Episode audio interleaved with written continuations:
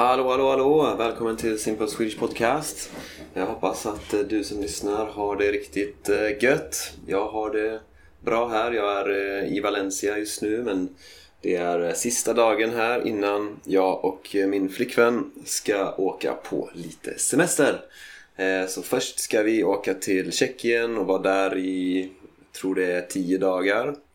Och sen kommer vi att vara i Sverige Ehm, jag kommer vara i Sverige ungefär en månad och hon kommer eh, åka lite tidigare. Ehm, så ja, det ska bli lite semester. Jag kommer också såklart att jobba över sommaren också men ja, jag hoppas att jag kan ta ett par veckor helt ledigt också.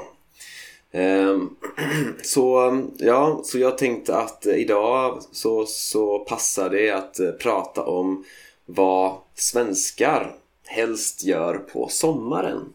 Ehm, men först så vill jag bara tacka eh, några stycken patrons, eller, eller det är en patron just nu för att eh, jag spelar in det här ganska tidigt. Ehm, så en ny patron, Ashley. Tusen tack till dig Ashley.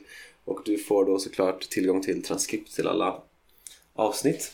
Ehm, men ja, Eh, då ska jag prata lite om eh, vilka vad, vad svenskar helst gör på sommaren. Okej, okay, vad gör svenskarna helst på sommaren? Eh, för i Sverige så, så har de flesta eh, fyra eller fem veckors semester eh, på sommaren och eh, om man går i skolan så har man antagligen, eh, ja då är man ledig i kanske ja, nästan två månader och det kallas för sommarlov. Så när man går i skolan och är ledig så kallas det för sommarlov. Eh, och om man jobbar och är ledig så kallas det för semester. Eh, och eh, svenskarna, det är ett av världens mest resande folk.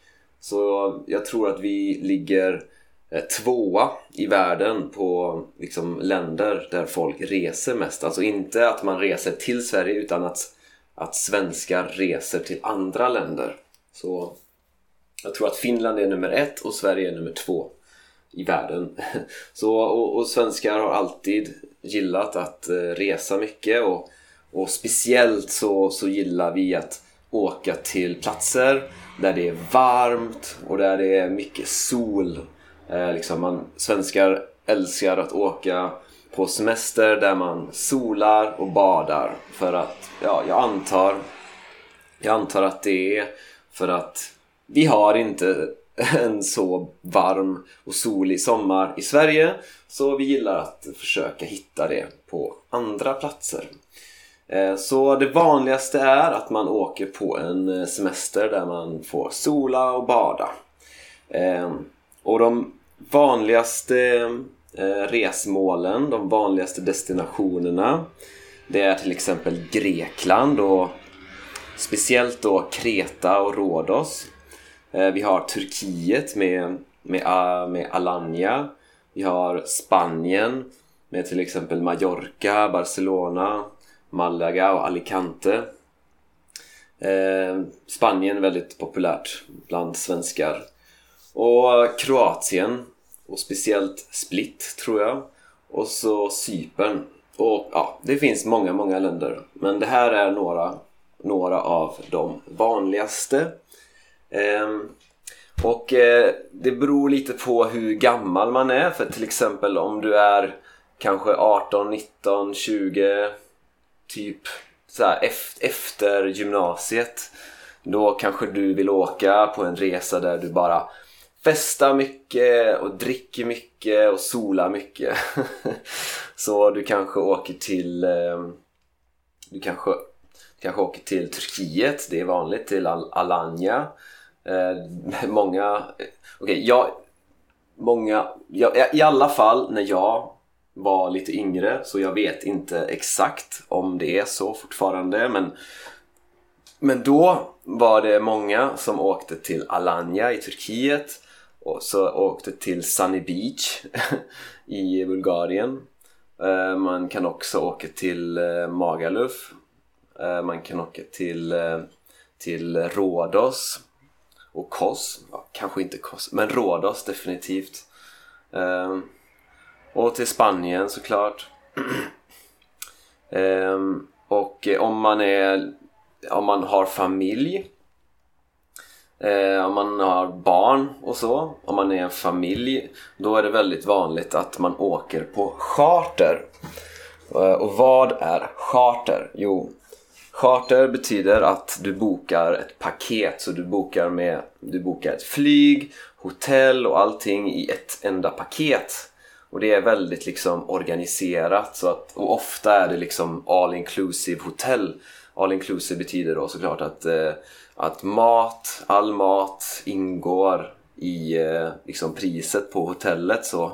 Och jag jobbade ju faktiskt på ett eh, all inclusive hotell i Turkiet med massa skandinaviska gäster.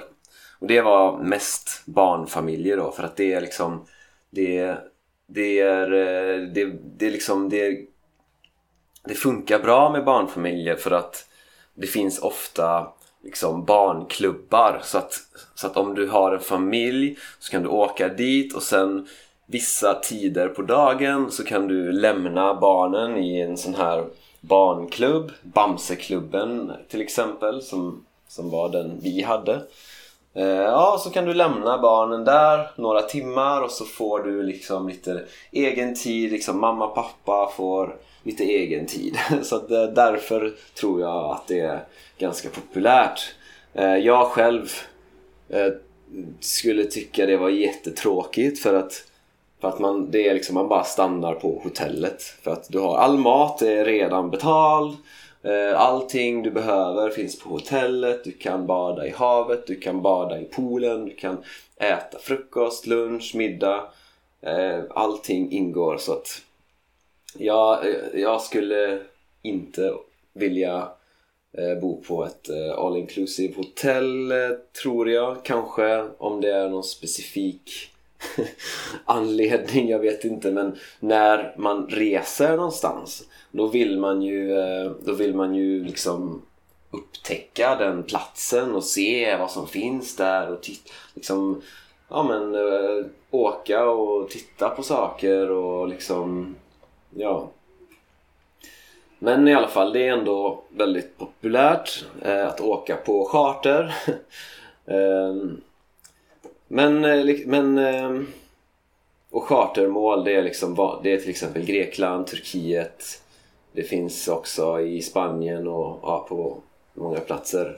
Men faktiskt väldigt mycket i Turkiet faktiskt eh. Och speciellt på de senaste tio åren kanske. Ehm, men ja, och om man inte åker utomlands då är det, det är också väldigt vanligt att eh, svenskar har en sommarstuga.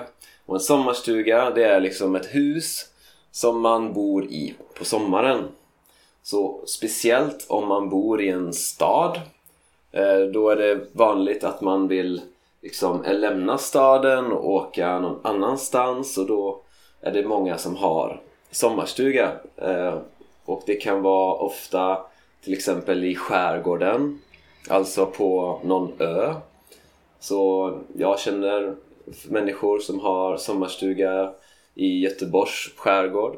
Eh, det finns säkert jättemånga sommarstugor på, i Stockholms skärgård också. Skärgård det är alltså ett område med många öar. Eh, och eh, vi, min familj har en sommarstuga uppe i Dalarna. Dalarna det är ett landskap, en region som ligger lite längre norrut. Inte, inte i Norrland men i eh, Svealand, tror jag. Ja, jo, så måste det vara. Um, så ja, det är vanligt att man åker till sin sommarstuga. Man kan också, man kan också åka husvagn. En husvagn det är en sån här ja men en, en portabel, ett portabelt litet litet hus kan man säga. Alltså man, så man liksom eh, tar sin bil och så hakar man på en husvagn och så kan man bo i husvagnen då. Eller man kan också ha en husbil. Och en husbil det är liksom som en husvagn och en bil i ett. Så, så man kan åka och till exempel man kan åka och campa eh, och bo i tält, tälta. Ehm, så det är också relativt populärt eller att eh, åka och vandra eller ja, se naturen. Men ehm, jag tror det vanligaste är nog att eh, man åker på solsemester. Solsemester, ja. Svenskar. Och, och, och, och alla svenskar, det, det, är väldigt viktigt att man är solbränd efter semestern. Liksom. Att man, man kan inte komma tillbaka från semestern och, och vara helt vit, helt blek. Utan eh, man måste vara solbränd liksom, så, att det, så att det syns att man, att man har varit utomlands och ja. Eh, så eh, ja.